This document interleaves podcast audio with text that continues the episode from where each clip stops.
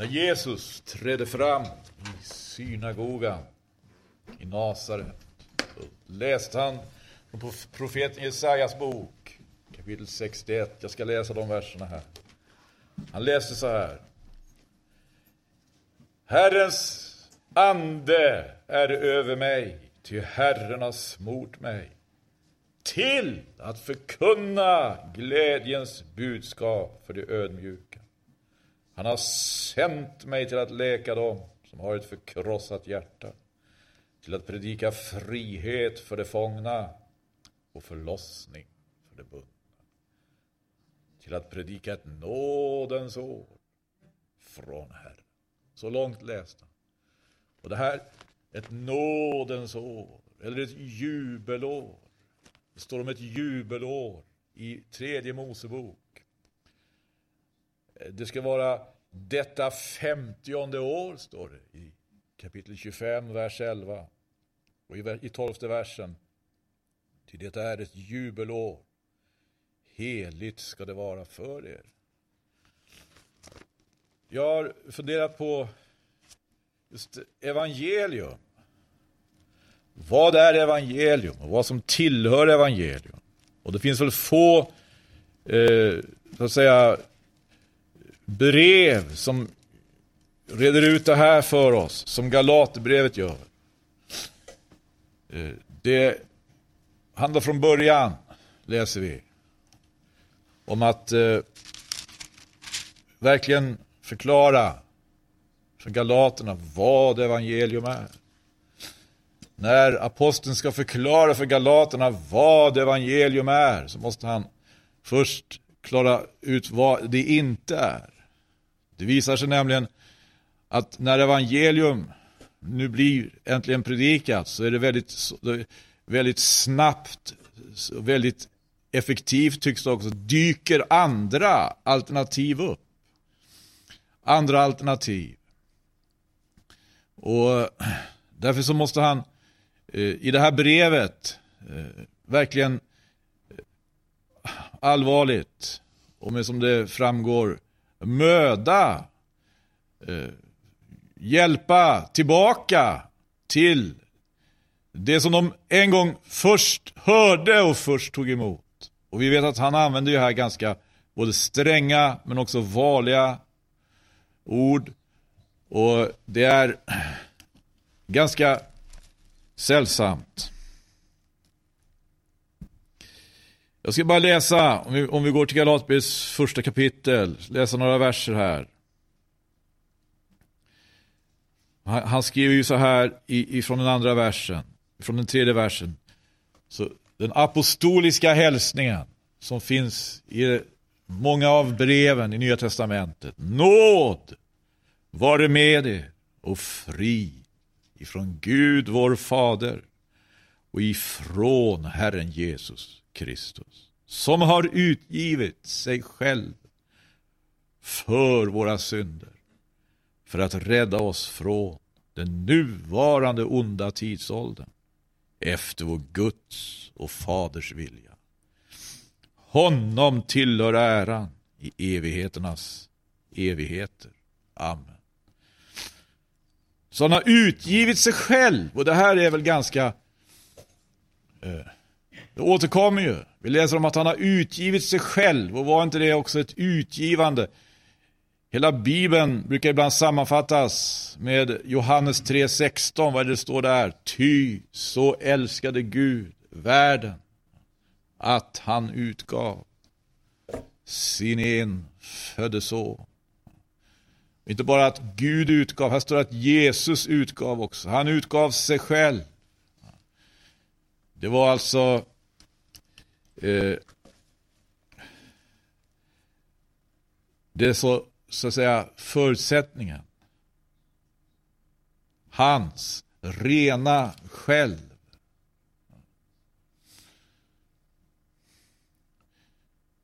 Han utgav sitt rena själv.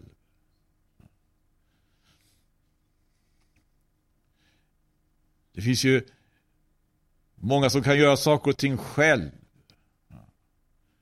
Många kan göra saker och ting själv. Men vi vet när, när människor gör saker och ting själv så finns ju de här spelreglerna om den mänskliga faktorn och gott och ont alltid med. Det kan vara de bästa föresatser. Men när människor gör saker och ting själv. Men här är det han som har gjort allt. Som själv agerar. Och så kommer det här. Det förundrar mig att ni så hastigt avfaller från honom som har kallat er till att vara i Kristi nåd, eller i Kristi nåd, eller genom Kristi nåd och vänder er till ett nytt evangelium, eller till ett annat evangelium.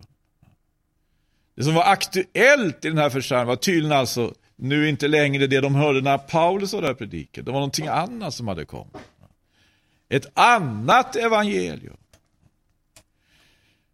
Och så skriver han, likväl är detta icke något annat evangelium.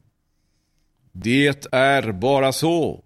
Det är allenast så att några finns som vill, som vållar förvirring bland och vill förvända Kristi evangelium. Två gånger har han nämnt ett annat evangelium innan han kommer till det som är hans ärende och som är själva, det är Kristi evangelium. Det är Kristi evangelium. Det är intressant det här. Kristi, det är Kristi evangelium. Så, så att säga, kan det inte vara då något annat evangelium? Något annat evangelium.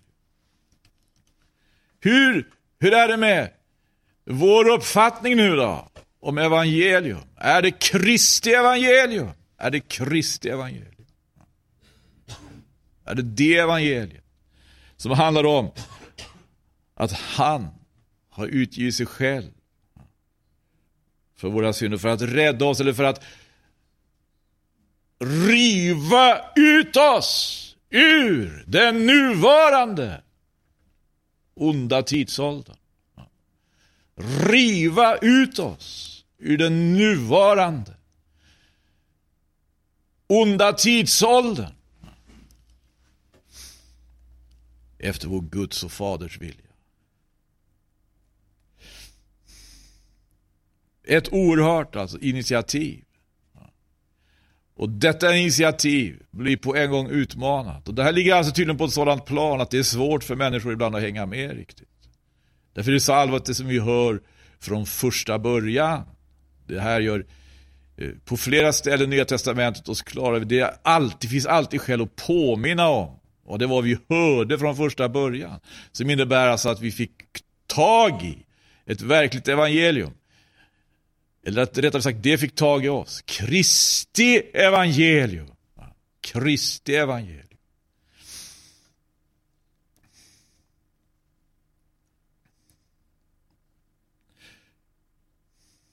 Som det står, det finns det ohyggliga ansträngningar som utförs för att förvända.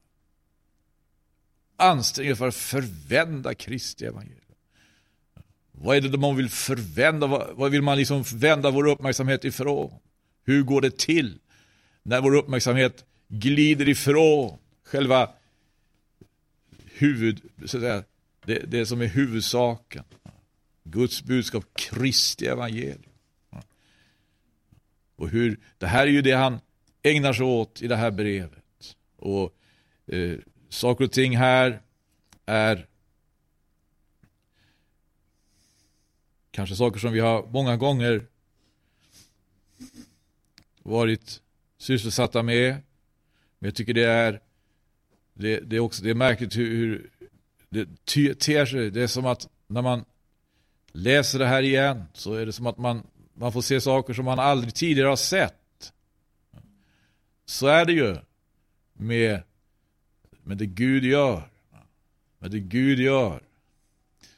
Det det, det Gud gör, det förfaller ju aldrig till så att säga eh, egentligen eh, att lyda under våra mänskliga regler. Så att det skulle kunna ske någon förändring med det Gud gör. Så att det skulle kunna ske någon förändring. Så att det skulle kunna ske så att säga en, förändring på ett sådant sätt att eh, det blir någonting för oss gammalt och vant som vi kanske med viss rätt då skulle kunna tappa, förlora vårt intresse för. Så kan det inte vara. Jag tänkte på när jag, när jag läste här om evangelium. Vad är evangelium? Jag skulle vilja säga, evangelium är inte självklart. Det är något speciellt. Och då kanske våra misstankar genast vaknar. Vad är nu han ute efter för någon ny lära då? Men om jag sa så här då? Tycker ni det här låter bättre om jag sa så här? Evangelium är självklart. Det är inget speciellt. Låter det bra? Låter det som det stämmer? När jag läser Galaterbrevet så tror jag, då blir det klart för mig att evangelium, det som vi läste om just här nu, Kristi evangelium, det är ingenting självklart. Men det är något speciellt. Ja, ja. Vad är det för speciellt nu då? Vad är det för speciellt du är ute efter? Är jag ute efter något? Ja, det, det får vi se upp med. Men om den heliga ande vill väcka, jag säga, påminna. Jag frågar igen. Aha, låter det, men låter det bra om jag säger så här då? Låter det bra om jag säger Evangelium är, är, är självklart. Evangelium, det är inget speciellt. Är det inte? Men har vi den attityden, då har vi förfallit till ett vanetänkande. Ett van, men när vi har med evangelium att göra så har vi att göra med något som inte kan bli vant. På något sätt kan vi aldrig vänja oss. På ett sätt kan vi det naturligtvis, på ett sätt gör vi det. Men det är märkligt att se, eh, därför när Paulus beskriver sina erfarenheter, då vet vi det att han led av en fruktansvärd brist. Han var samtida med Jesus. Hörrni. Han var samtida med Jesus. Och vi vet Jesus sa själv, så sant det var hörni. Så sant det var. Han sa till sina lärjungar, den tid sa han ska komma, då ni gärna skulle vilja se en av Människosonens dagar. Men ni ska inte få det. Vid ett annat tillfälle, vad sa han då? I alla fall sa han det. Den tid ska komma då ni gärna skulle vilja se. Tänk att Paulus var samtida med denne man. Var samtida med Petrus och de andra. Men missa alltihop. För han tillbringade ingen tid tillsammans med Jesus. Eller de andra lärjungarna. Under den tid Jesus var ibland. Det gjorde han inte. Vilken brist. Vilken fruktansvärd brist. Och när han nu beskriver vad evangelium är, det är intressant att se. När han talar om vad evangelium är och när han talar om vad, vad som tillhör evangelium, då kommer han in bland annat att tala om, något av det första han nämner, det är en församling. Evangelium. Det finns någonting som tillhör, det finns saker som tillhör evangelium. Vad är det som tillhör, vad är det som inte tillhör? Det måste han, men det finns någonting som tillhör, det är en församling. Och hör hur han uttrycker det här, han skriver så, ni har ju hört, skriver han i, fram här i trettonde versen. Hur det var med mig medan jag ännu vandrade i judiskt väsen eller i judisk religion. Att jag då övermåttan våldsamt förföljde Guds församling och ville utrota den. Ja. Så kritiskt var det alltså. Så kritiskt att detta verkligen speciella redskap som aposteln blev. Att han blev Saulus. Som blev Paulus, han blev en apostel. Som, eh, och han, han, han, stod där, han hade ägnat sig åt detta att övervåldsam, övermåttan våldsamt förfölja Guds församling. Här, här, träder, här träder eklesian fram hörni. Ni förstår, det är inte lätt att få syn på saker och ting som, som eh, hör till evangelium. Det är en kamp. Det är en kamp för tro. Det är en kamp att få se. Det, är en kamp att vi får se eklesia. Eklesian visar sig nämligen inte utan vidare. Guds eklesia. En utkallad skara, vad är det? Klart att det tillhör evangelium. Det tillhör evangelium. När evangelium predikas, då skapas Guds folk. Det evangelium som, som föder till liv. Det evangelium som befruktar. Det evangelium som befruktar. Det är, eh, en, eh, det är också därför som vi, vi ser Guds, bilden av Guds folk som återkommer i skriften. Det är inte sällan en kvinna i barnsnöd. En kvinna. När Jesus talar om apostlarnas och lärjungarnas erfarenheter i framtiden som ska komma och bli deras erfarenheter. Så kallar han det för en tid av födslovåndor. En tid av födslovåndor. Vilka födslovåndor? Vad tänker han när han säger det? Världens födslovåndor, det tror jag inte. Världens födslovåndor är någonting annat. Nej, han tänker lärjungaskarans födslovåndor. Lärjungaskarans födslovåndor. Guds eklesia. En lärjungaskara. En utkallad skara. I födslovånd. Och det handlar om väldigt mycket ser vi. Väldigt mycket. Han, säger, han säger lite längre fram, på tal om evangeliets villkor, i 22 versen, att för de kristna församlingarna i Judeen var jag personligen okänd. Det hörde allenast hur man sa, han som förut förföljde oss, han förkunnar nu evangelium om den tro som han förr ville utrota. Vad är det för evangelium? Som är Kristi evangelium. Vad är det för evangelium som är det är den, det är den tro. På tal om vad som tillhör evangelium. Det som tillhör evangelium det är alltså också tro. Det tillhör evangelium. Det är, det är att tro. Inte att tro heller vad som helst. Tron det står om här i Nya Testamentet. Tro. Tron tillhör evangelium. Evangelium tillhör tro. Gör det inte? Vilket evangelium? Kristi evangelium. Kristi evangelium. Vad är det för någonting? Evangelium om den tro som Saulus ville utrota. Evangelium om den tro som Saulus ville utrota. Men tänk hur många genom historien som har, som har velat gå i Saulus fotspår. När Saulus övermåttan våldsamt förföljde Guds församling och ville utrota den. När Saulus ville utrota tron. När, när Saulus, hur många som har gått i, i, i Saulus följt honom. När man tänker på det.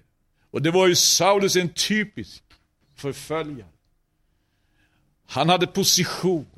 Han hade utbildning. Han hade religion. Han hade allt möjligt. Han hade krav på tillvaro. Och eh, krav på sig själv och krav på sin omgivning och följde verkligt höga principer. Sådana människor vet du, kan också bli förföljare. Tänker på hur, hur många Saulus som har uppträtt i historien. Så då är det ganska märkligt, är det inte det? Att i alla fall några solstrålar, evangelisk solstrålar har nått oss. Evangelium om den tro som Saulus ville utrota. Varför ville han utrota den då?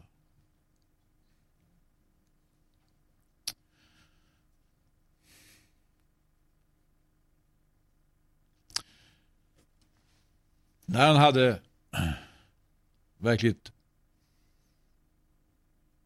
konfronterats med det som skulle bli hans öde, apostlaverksamheten. Apostlaverksamheten. Då, då börjar han ju att röra sig i en helt annan riktning. Börjar gå en helt annan väg. Det här skriver han ju lite om. Han led ju en oerhörd brist, en stor brist. Han hade inte varit tillsammans med lärjungarna när de var tillsammans med Jesus.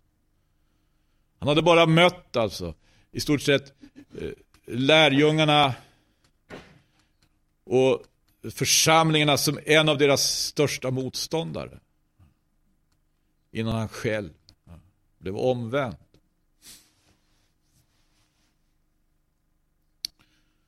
Så att, vad saknar han för någonting? Det är naturligtvis fruktansvärt mycket då. Men det märkte att han skildrar sin omvändelse. Han skriver så här.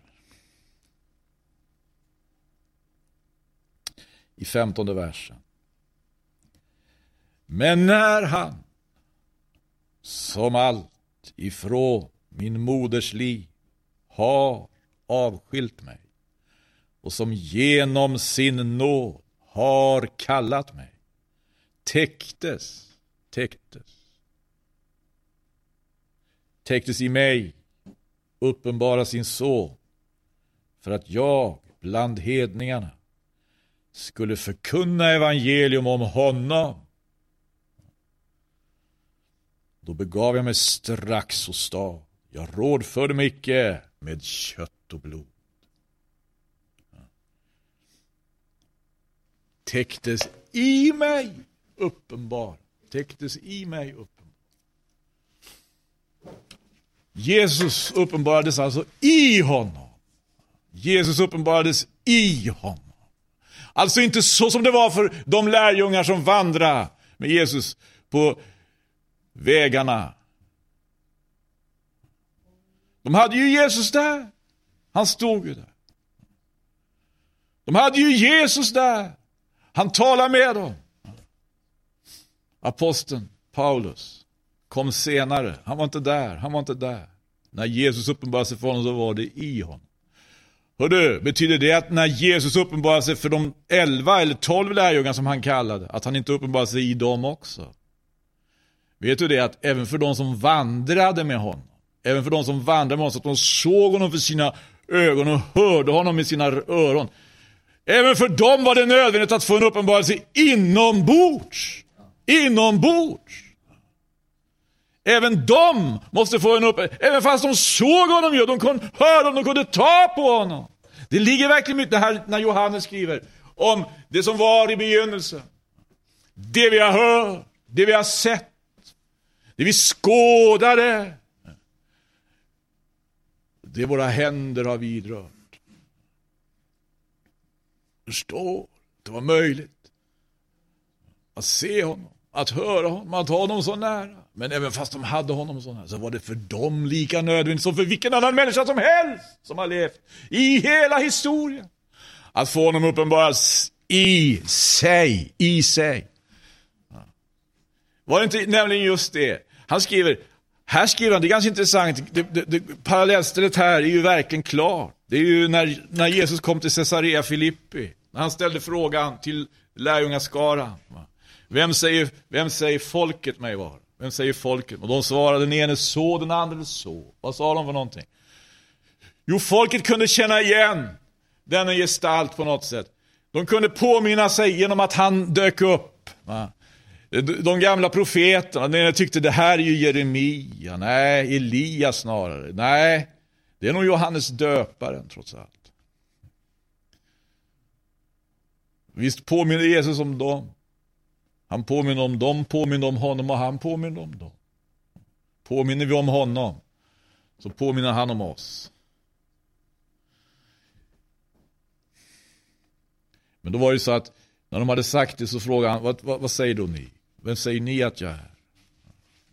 Och vem var det som svarade då? Vem var det som tog bladet från munnen om inte Simon Petrus? Vad sa han för någonting? Du, sa han. Du är Messias, den levande Gudens son. Och svaret var, salig är du Simon, ty då kött och blod Paulus rådförde sig med kött och blod. Varför skulle han rådföra sig med kött och blod? Kött och blod hade bara ställt till det. Kött och blod har icke uppenbarat detta för dig. Kött och blod har icke uppenbarat, utan min fader som är i himlen. Det vill säga att Simon Petrus och de andra lärjungarna vandrade med Jesus, såg honom och hörde honom. Hade egentligen aldrig fått den betydelse det fick om inte Gud hade utfört det här verket i deras hjärta. Att de hade fått en uppenbarelse. Trots allt så måste de också få en uppenbarelse. Kött och blod kunde inte uppenbara för lärjungarna vem Jesus i själva verket var. Det säger att det, det, det, det, finns något avgörande här. Kött och blod kunde inte heller hjälpa Saulus när han hade blivit Paulus att komma rätt efter sin erfarenhet. Han kunde inte rådgöra sig med kött och blod. Nu hade han blivit en apostel. Men vad skriver han för någonting? Eh, han hade blivit en apostel. Den naturliga mänskliga reaktionen hade varit då? Att bli en apostel, att bli något. Ja, man funderar på eh, vad är jag för någonting? Vad har jag blivit nu?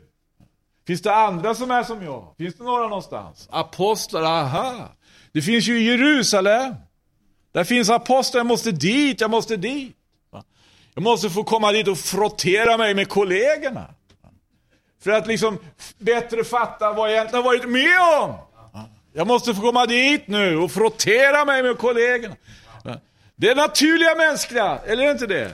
Människor på något vis tycker det här är roligt. Va? Träffar, men det här, han reagerar inte på det sättet. Lägg märke till hur han reagerar. Han skriver Jag rådförde mycket med kött och blod. Ej heller for jag upp till Jerusalem, till de som före mig var apostlar. Istället for jag bort till Arabien och vände så åter tillbaka till Damaskus. För sedan, tre år därefter, for jag upp till Jerusalem för att lära känna Kefas. Och jag stannade hos honom femton dagar. Men av de andra apostlarna såg jag ingen. Allenast Jakob, Herrens broder, såg jag. Och Gud vet att jag icke ljuger i vad jag skriver till er. Därefter for jag till Syriens och Silisiens bygder men för de kristna församlingarna i Judeen var jag personligen okänd. Det hörde allenast hur man sa, han som förut förföljde oss. Han förkunnar nu evangelium om den tro som han förr ville utrota. Och det prisade Gud för min skull. Och första versen i nästa kapitel. Efter 14 års förlopp for jag sedan åter upp till Jerusalem, åtföljda Barnabas efter, det var alltså, först var det tre år innan han kom dit. Sen var det 14 år. 14 år. Vad, vad, vad, vad beror det på? Hörrni, han skriver vidare. Det var på grund av en uppenbarelse som jag for dit. Och för bröderna där framlade jag det evangelium som jag predikar bland hedningarna. Särskilt framlade jag det för de män som stod högst i anseende. Detta av oro för att mitt strävande nu vore förgäves, eller förut hade varit. De skulle ju kunna förenas helt naturligt. Det skulle vara naturligt att han drogs till de andra apostlarna. Men du, när vi får med Gud att göra, då är det kärl vet du, i våra liv som måste först fyllas, inte av någon annan män. Inte heller av någon annan, ska vi säga, hur lika vi än är. Hur vi än tycks passa för varandra när Gud handlar. Var det inte så när Jesus kom i världen? Jesus kom i världen, alltså som det heter, på ett, lik, på ett sätt som liknar alla andra människor. Han föddes in i världen. Men det par som eh, först tog emot honom, som blev hans föräldrar här i tiden, i världen. Du, de hade ju kommit överens om någonting. De hade ingått som det heter förlovning. Men de hade aldrig kommit överens om att bli föräldrar åt Jesus. Det hade de aldrig kommit överens om. Och det kunde de inte heller komma överens om. Nej, När kom Josef och Maria överens om det? Kan du läsa om det någonstans? De var överens så långt att de skulle förlovas och förlovat sig hade de gjort. Och det är ju naturligt. Va? När människor finner varandra. Va?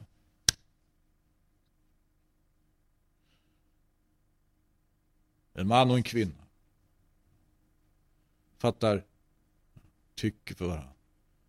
Vill, vill förlova sig. Så det var de överens. Men att de skulle bli föräldrar åt Jesus. Fanns det ingen som helst möjlighet att komma överens. Det fanns inte. Hur skulle de komma överens om det? När kom de överens om det? För det första var det ju nödvändigt att för att Josef skulle acceptera hennes havandeskap, att himmelens Gud grep in och förklarade för honom hur, hur, vad som var det verkliga förhållandet. Och för att hon överhuvudtaget skulle bli havande så gick det inte att komma någon vart. Om hon än hade väntat, alltså säga att de blivit eh, ingått i gott äktenskap och Josef hade blivit hennes man i naturlig god ordning och hon hade blivit så att säga mor på det viset. Så hade hon ju för den skulle aldrig fött Jesus. När hon blev mor åt Jesus så var det ju så att ingenting hade kunnat åstadkomma dem inte himmelens Gud hade gripit. Han sände sin budbärare. Och det där säger någonting. Och det där säger någonting. På ett motsvarande sätt så har det varit alla tider. Så kan vi människor inte komma överens om någonting när Gud verkligen, när Gud agerar. Det finns väldigt lite som vi kan komma överens. Det, det, det är själva verket. Och det här med mänskliga överenskommelser. Mänskliga överenskommelser, det kan ju bli riktiga avtal vet vi, det kan bli riktiga pakter. Det kan bli väldigt mycket. Va? Väldigt mycket. Men när Gud handlar, då är det ju bra om vi har så, så lite som möjligt av det. Aposteln Paulus skulle kunna dras till de andra apostlarna om det inte hade hänt någonting inom honom. Han skulle kunna dras till kollegorna om inte det hade skett någonting inombords. Det var ju inombords Guds son hade uppenbarat. Inom sig hade han så att säga fått en kompass som angav klart vilken riktning han skulle röra sig. Det han skulle göra, det han skulle göra, det han, den riktning han skulle röra sig i, det var den riktning som Gud visade. Det var Guds vägledning han skulle följa. Och han skulle se till, han skulle se till att han först och främst själv lärde känna den som hade kallat honom. Oj. Det tror jag gjorde under erfarenheter av tre år innan han kom till Jerusalem första gången. Sen 14 år innan han kom dit andra gången. Och det verkar ju ganska... Så han säger, varför, varför for han dit andra gången? Det står bland annat så här, av oro för att mitt strävande nu vore förgäves eller förut hade varit. Han blev orolig. Att hans strävan, vad var han orolig för? Han var orolig för att han skulle komma i konflikt med de andra apostlarna. Men han var inte orolig för att hans budskap på något sätt var fel. Han var orolig för att det skulle bli fel äh, uppfattat. Men vad är det här för något sätt? Är det inte bättre att vi apostlar kommer samman på ett tidigt stadium och resonerar genom allting från början till slut? Allting, allting. Ta med alla eventualiteter, planera det här nu. Ja, det skulle vi kunna göra, det skulle vi kunna hålla på med. Och det inte var så att det fanns en levande Gud. Och det inte var så att så väl som det eh, skedde från början så kan det ske nu också. När Gud kallar, när Gud handlar. När det handlar om evangelium, om Kristi evangelium. Kristi evangelium så sker det avgörande som sker, sker inom oss. Det sker inom oss. Därför, det, det är så som det, var, så som det var med Saulus. Så, det, så har det ju varit med oss också, eller hur? Fast vi inte var där. Fast vi inte var vid Caesarea Filippi. Fast vi inte följde Jesus då. Fast vi inte kom till honom tillsammans till Jerusalem så kan trots allt det ske också för oss. Att han uppenbarar sig i oss. När, när Gud heter det här. Som alltid från min moders liv har avskilt mig och som genom sin nåd har kallat mig täcktes, när, alltså när det behagade honom, att i mig uppenbara sin son för att jag bland hedningarna skulle förkunna evangelium om honom. Då begav jag mig strax åstad. Jag rådförde mig icke med någon människa. Jag rådförde mig icke med kött och blod. Kristi evangelium.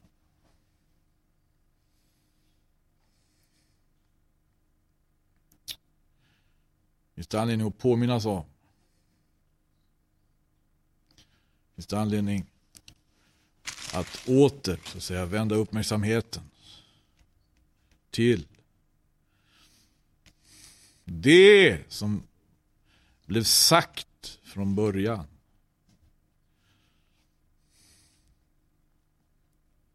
På vilket sätt kom det till oss? På vilket sätt tog vi emot det? Det är faktiskt så att här är han också väldigt sträng. Va? Och det, det, det, det finns ju, vi vet, när det gäller det här. Det finns nästan inget ord i Nya Testamentet som påminner så mycket om första Korinthierbrevet 16, där vi läser vad då? Om någon icke har Herren kär så vara han vad då? Anatema. Maranat. Maranat. Det, det, finns inget ord som påminner så mycket om det nära på som det som står här. Det står så här i i, i, i, vad står det, i vers 8. Men om någon vore det och vi själva eller en ängel från himlen förkunnar evangelium i strid mot vad vi har förkunnat för er. Så var det han var då anatema. Eller som det heter på svenska. Fördömd eller förbannad. Ja, så som vi förut har sagt så säger jag nu åter. Om någon förkunnar evangelium för er i strid mot vad ni har undfått så var det han anatem. De tar i. Därför att detta evangelium är så ojämförligt. Åh, vore det också vi själva? Eller en ängel från himlen? Och han upprepar, ja så som vi nu har förut har sagt så säger jag något om någon det, det verkar som att han, här krävs väldigt mycket av honom. För det, det tydligen pågår en verksamhet, en febril verksamhet, att vända uppmärksamheten bort ifrån huvudsaken. Ifrån Kristi evangelium. Så han, han, han uttrycker, som en, om det vore en ängel från himlen. Eller vi själva. Det, det, det, det, var någon i församlingen som hade gjort intryck på, på syskonen. Då. Någon som hade på något sätt skapat den, eh, alltså fått dem att, att, tänka att det här, det här är en riktig apostel. Därför så, därför så försiktigt. Ja. Vore det också vi själva, eller en ängel från himlen. Och så nästa gång, om någon. Om någon. Alltså inte vi själva eller en ängel från himlen, utan om någon. Det är tydligen någon då.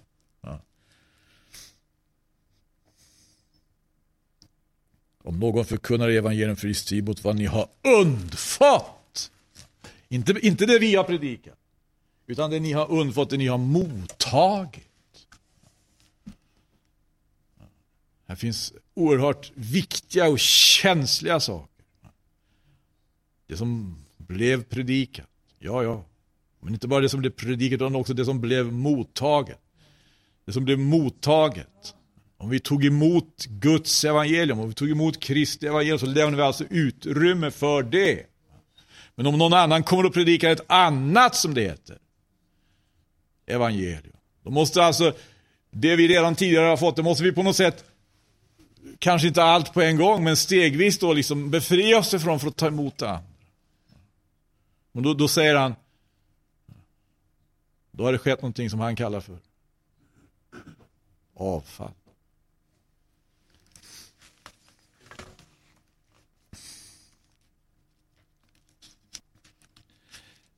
Men vad han var angelägen om, det är tydligt det, det var alltså att upprätta på det sättet förhållandet till Jesus Kristus.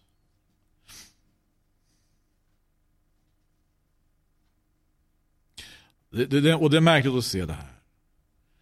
För han hade inte de andra apostlarnas erfarenheter. Han hade inte varit med Jesus på det sätt som de hade varit. Han hade inte hört Jesus, sett Jesus på det sätt som de hade. Han måste alltså, han måste på något sätt vara med om en omprogrammering. För han hade varit med om en hel del. Han hade erfarenheter.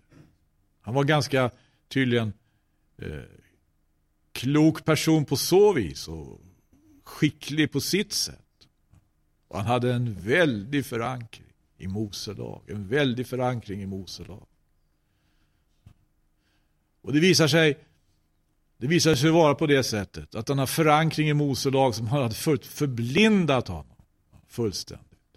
Den var han, den var han tvungen nu på ett särskilt sätt bearbeta, med Guds hjälp bearbeta.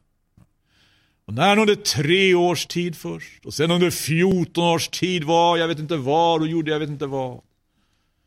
En hel del, vi kan ju läsa Apostlagärningarna också. Då fick han ju vara med om denna bearbetning. Gud bearbetade honom. Och det betyder ju alltså att Mose lag, som tidigare hade förblindat honom, när han började arbeta med vad han hade då alltså både ärvt och studerat och lärt på allt sätt.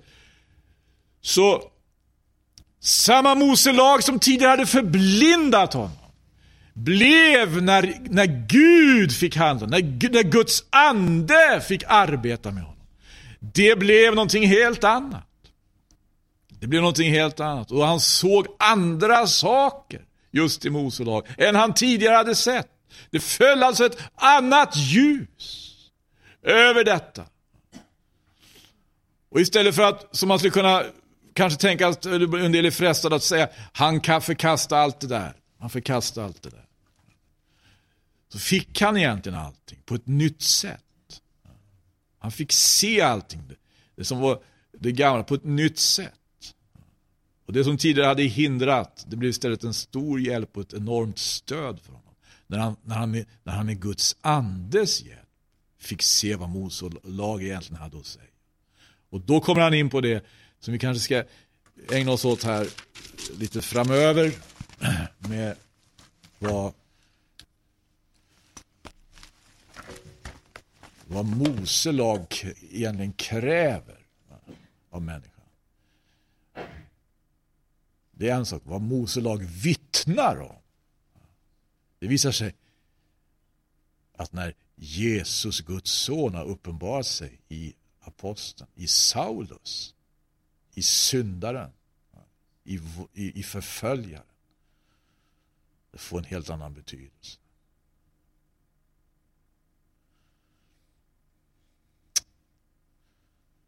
Ska vi prisa Gud hörni?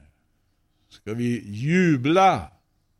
Ska vi låta evangelium bli för oss vad det är ämnat att vara. En befrielse. Halleluja. Så han har... Jag läser det igen. Nåd vare med er. Och frid ifrån Gud vår Fader och ifrån Herren Jesus Kristus.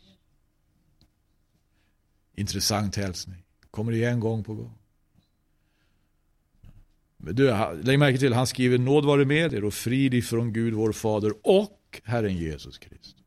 Han skriver inte ifrån Gud vår Fader eller Herren Jesus Kristus. Som att det spelar ingen roll vem egentligen. Han, han, säger, han skriver inte heller eh, från Gud vår Fader och inte Herren Jesus Kristus. Han skriver inte heller inte från Gud vår Fader men från Herren Jesus Kristus. Nej, det står från Gud vår Fader och ifrån Herren Jesus Kristus.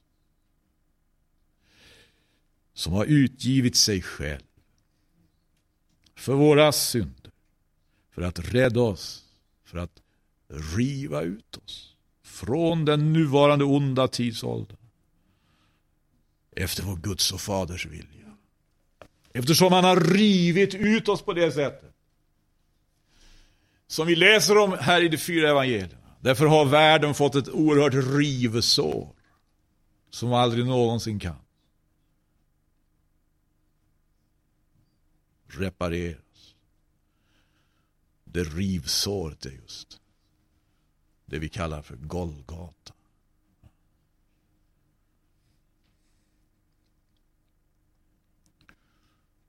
Så oerhört. Så fasansfullt djupt. Så fruktansvärt. Och därför är det någonting med det här. Eh, nu är det svårt att komma i finna orden riktigt.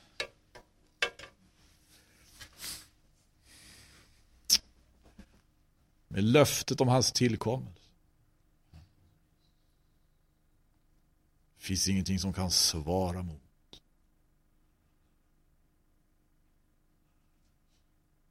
Egentligen. Världens ohyggliga öde som hans tillkomst.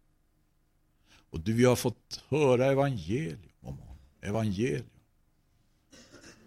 För att vi ska följa honom. För att vi ska tjäna honom. För att vi ska vara hans vittnen.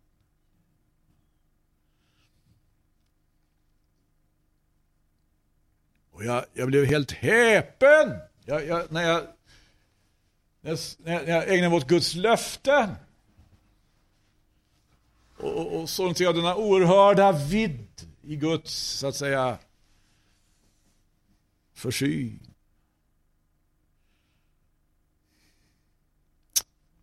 Gode Gud, att vi håller fast vid Kristi evangelium. Du håller fast på ett sådant sätt och aldrig släpper det. Så vi också får erfara dess kraft. Så det här var ju problemet när Jesus mötte sina motståndare. De ställde frågor till honom, frågor som på sätt och vis var allvarliga, men Jesus genomskådade ju deras spel.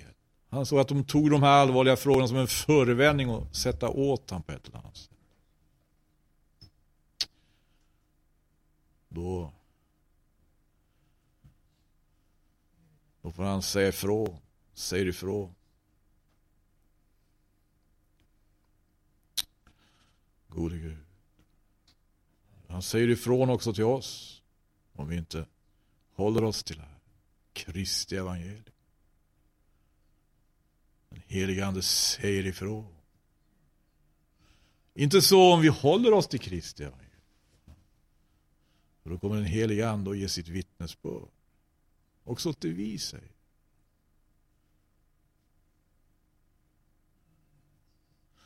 Och då kommer vi inte undan födslovåndorna, födslosmärtorna i denna tid. Som det innebär att vara delaktig i Guds handlande. Tänk att vara med och föra saker och ting framåt! Gå vidare! Följa! Tjäna!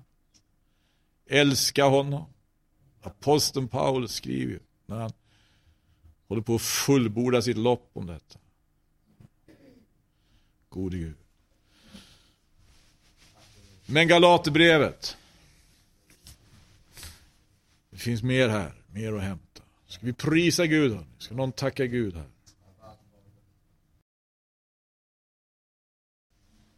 Ska jag läsa igen bara, det måste jag läsa om igen. Nåd vare med er och frid ifrån Gud vår Fader och ifrån Herren Jesus Kristus som har utgivit sig själv för våra synder för att riva ut oss från den nuvarande onda tidsåldern efter vår Guds och Faders vilja.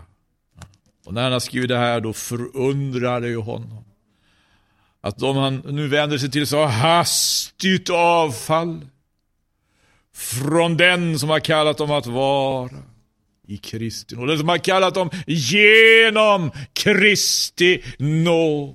Har vi ett jubelår, ett kontroversiellt jubelår. Så handlar alla gånger ett jubelår om att efterskänka skuld. Och inte det var nåden. går ut på. Varför borrar människor efter olja? Låt oss borra i Guds ord.